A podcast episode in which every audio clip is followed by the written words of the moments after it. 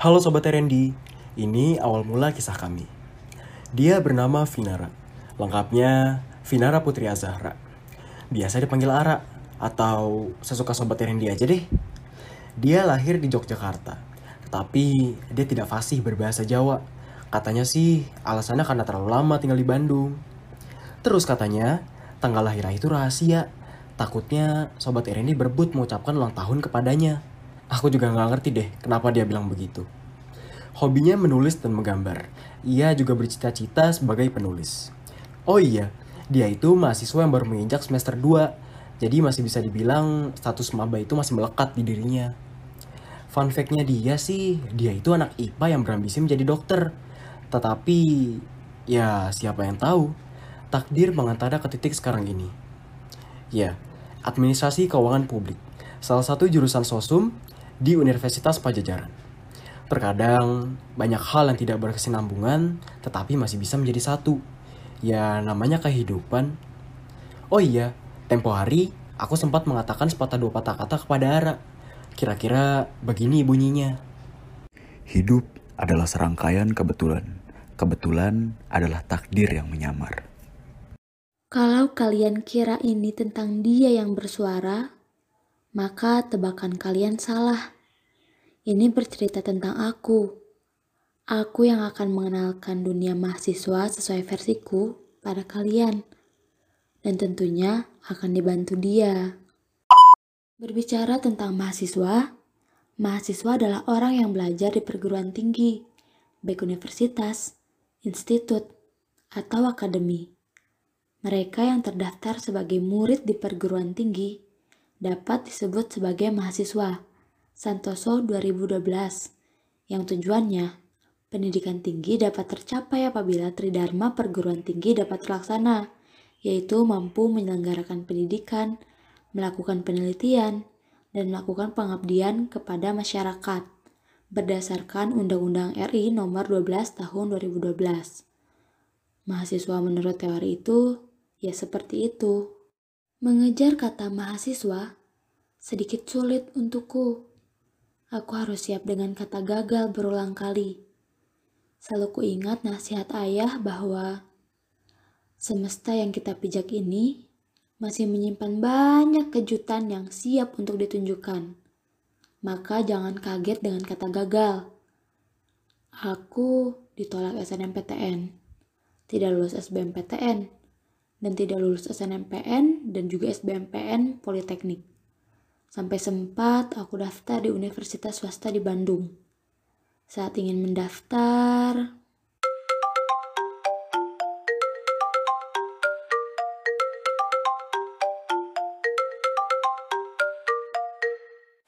Halo? Ra, cepet daftar SMUP Unpad. Hah? Emang ada? Bukannya udah tutup? Ada, SMUPD 4, jurusanku. Cepet daftar, nanti aku bantu. Jurusan kamu apa, Kak? Administrasi keuangan publik, Ra. Terhitung baru sih di Unpad. Nih ya, aku ceritain. Awalnya, Prodi AKP ini bernama ADP, atau Administrasi Publik. Sebelum menjadi program Diploma 4 AKP, itu adalah program Diploma 3 ADP. Dan yang lebih kerennya nih, Ra, AKP ini adalah prodi pertama di Indonesia loh. Masih nggak tertarik nih? Tapi aku IPA. Emang bisa? Bisa kok, tenang aja. Nanti aku bantu kamu masuk, dan aku bantu juga selama perkuliahan. Gimana? Setuju? Setelah telepon itu, aku langsung daftar dengan pilihan ke satu administrasi keuangan publik. Tidak ada alasan khusus aku memilih itu. Mungkin memang itu yang terbaik berdasarkan kemampuan yang kupunya dan juga saran dari Reka. Oh ya ampun, aku sampai lupa. Aku belum mengenalkan dia kan? Perkenalkan, dia Reka. Lengkapnya Reka Ayuna Nugraha. Aku suka kata reka dalam KBBI. Artinya susun, atur, dan tertata. Mirip seperti orangnya. Sangat rapi dan tertata. Tapi namanya manusia pasti ada kurangnya. Dia batu. Benar, kepalanya seperti batu. Terlalu keras kepala dan memaksa. Sama sepertiku. Jadi bila ketemu, kita akan berdebat sampai menunggu aku yang kalah. Memang, dengan dia kata cewek selalu benar seolah hilang menguap terbawa udara. Seperti telepon tadi, Reka mahasiswa AKP juga yang sedang menginjak semester 8. Iya, beda kami cukup jauh, sehingga sangat wajar jika cara berpikir kami berbeda. Dia cenderung lebih tenang, penyabar, dan ramah. Dia cukup pintar karena setiap pertanyaan yang kulontarkan selalu bisa dijawab dengan penyampaian yang mudah dipahami. Sangat ideal untuk dijadikan teman, bukan?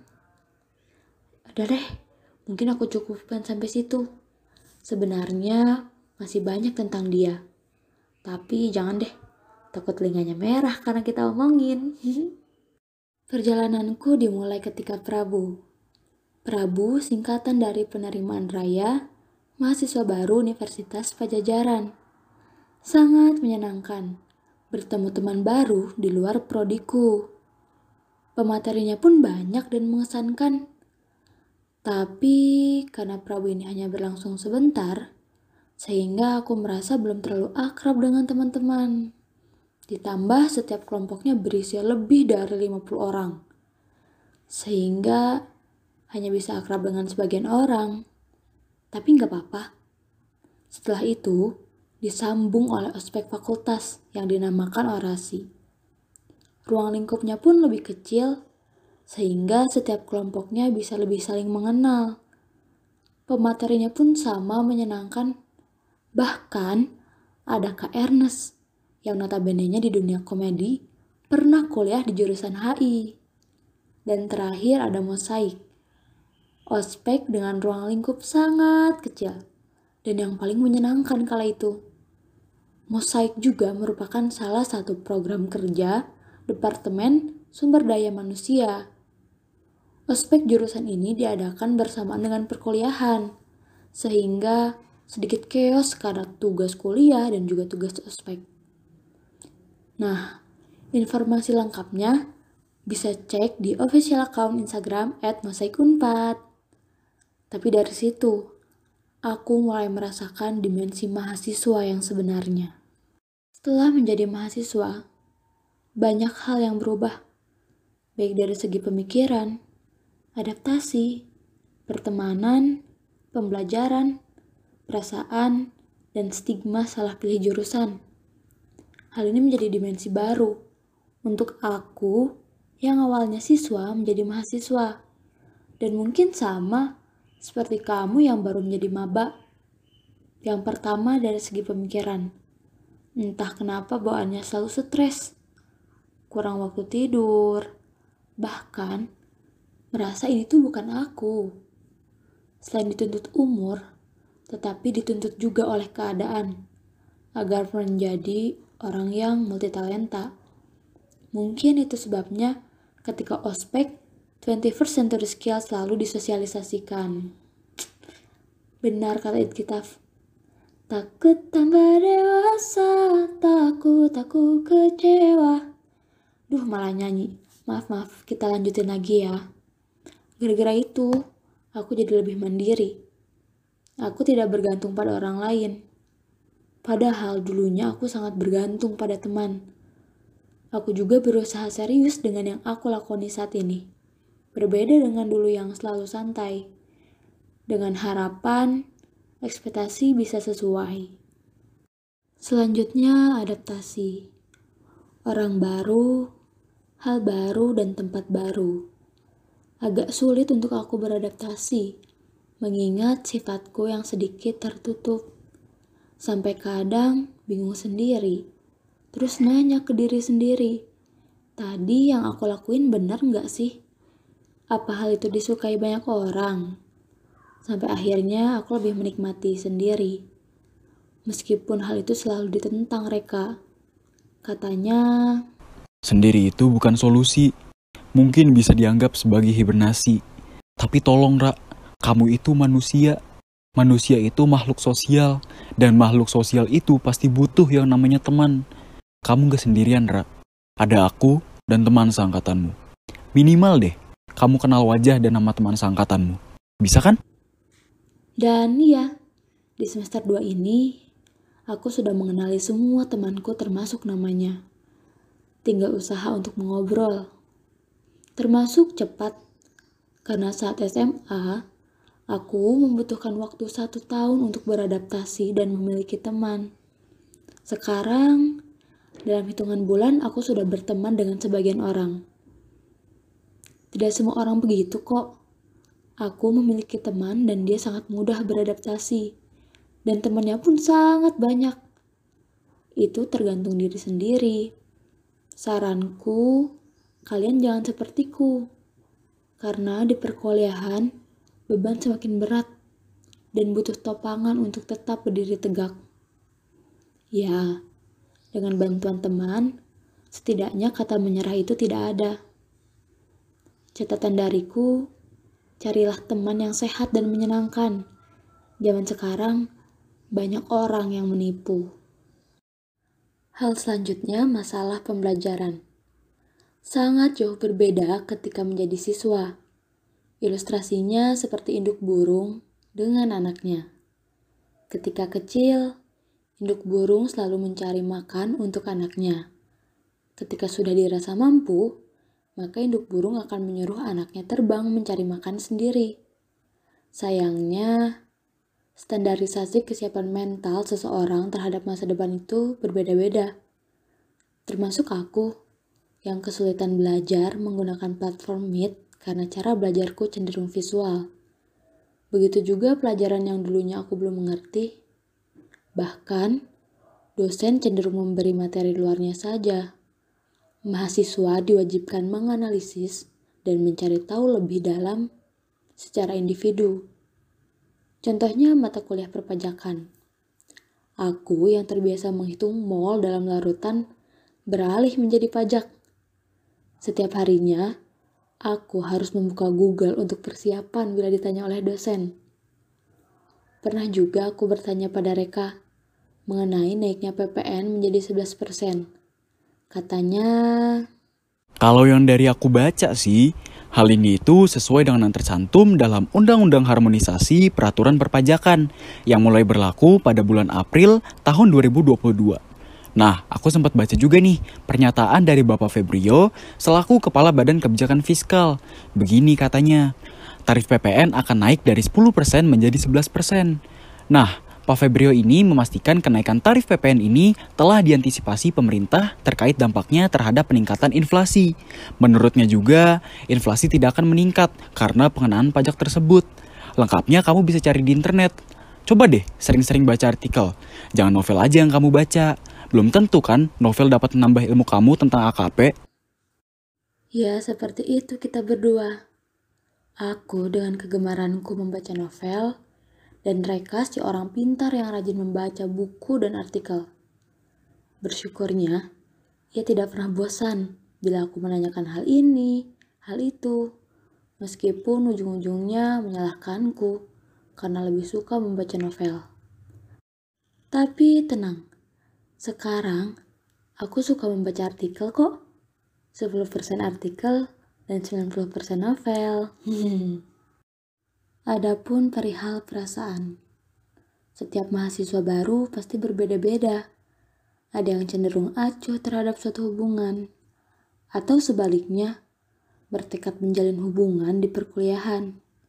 Seperti temanku yang bertekad ingin dekat dengan mahasiswa FK Katanya mereka bersih, rapi, dan wangi. Atau anak FEB, katanya kalau mau pacaran enak, gak capek naik tangga, tinggal pakai lift aja.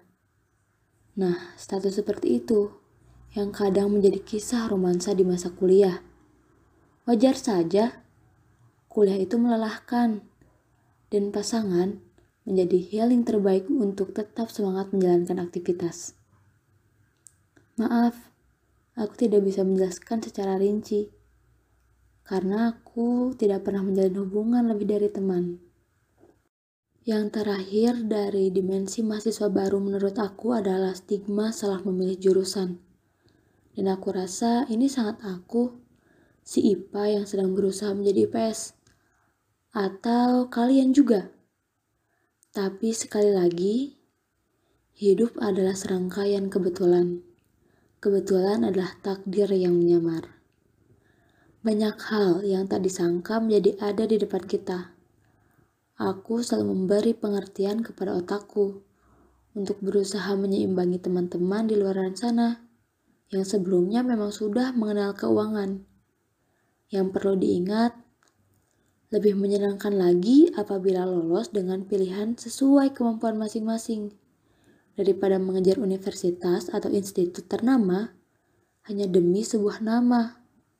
Takutnya banyak hal yang tidak bisa kamu imbangi.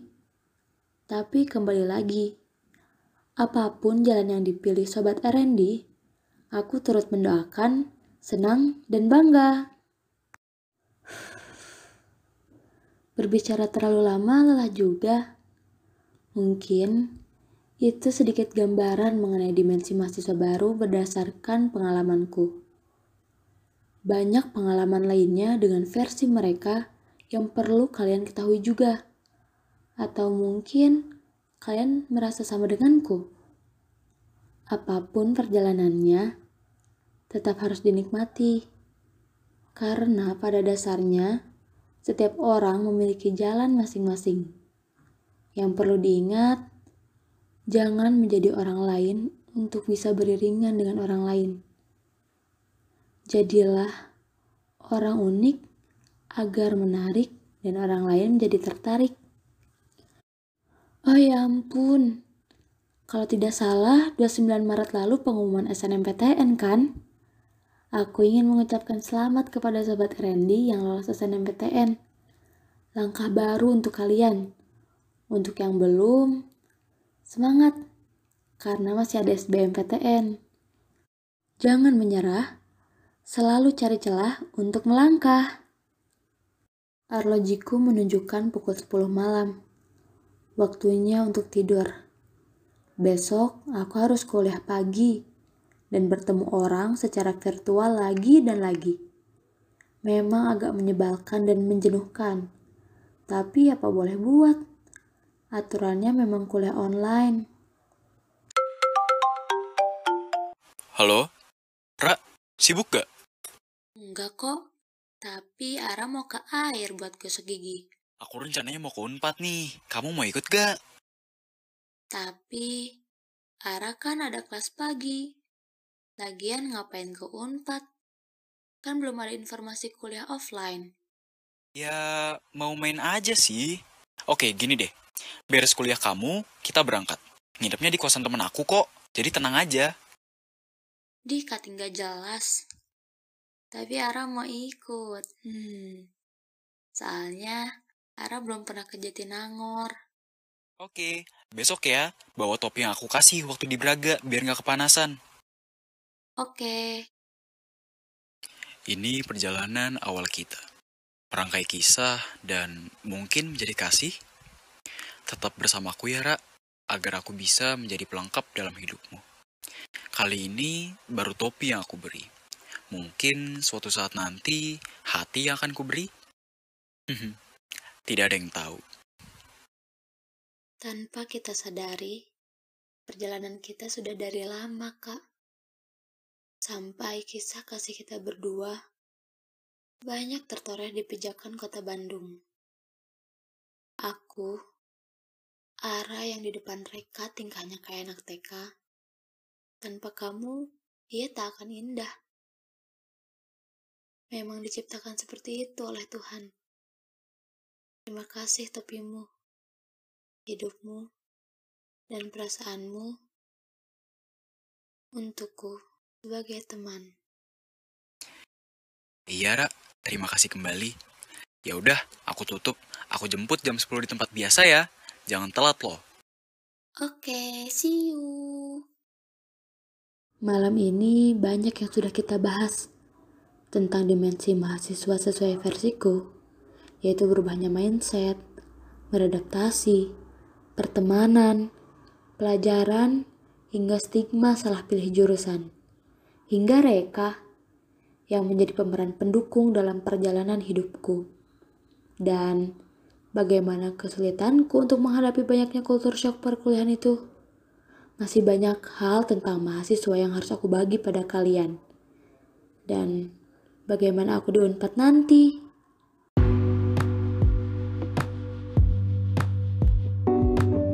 Terima kasih kepada Sobat RND yang telah mendengarkan bagaimana topik podcast selanjutnya. Tenang aja, ada tim RND yang akan menemani kalian untuk menyelami hidup sebagai mahasiswa. Sobat RND juga dapat mengetahui informasi mengenai administrasi keuangan publik lebih lanjut dengan memfollow official account Instagram Hima AKP di @himaakpunpad. Sampai jumpa di episode selanjutnya.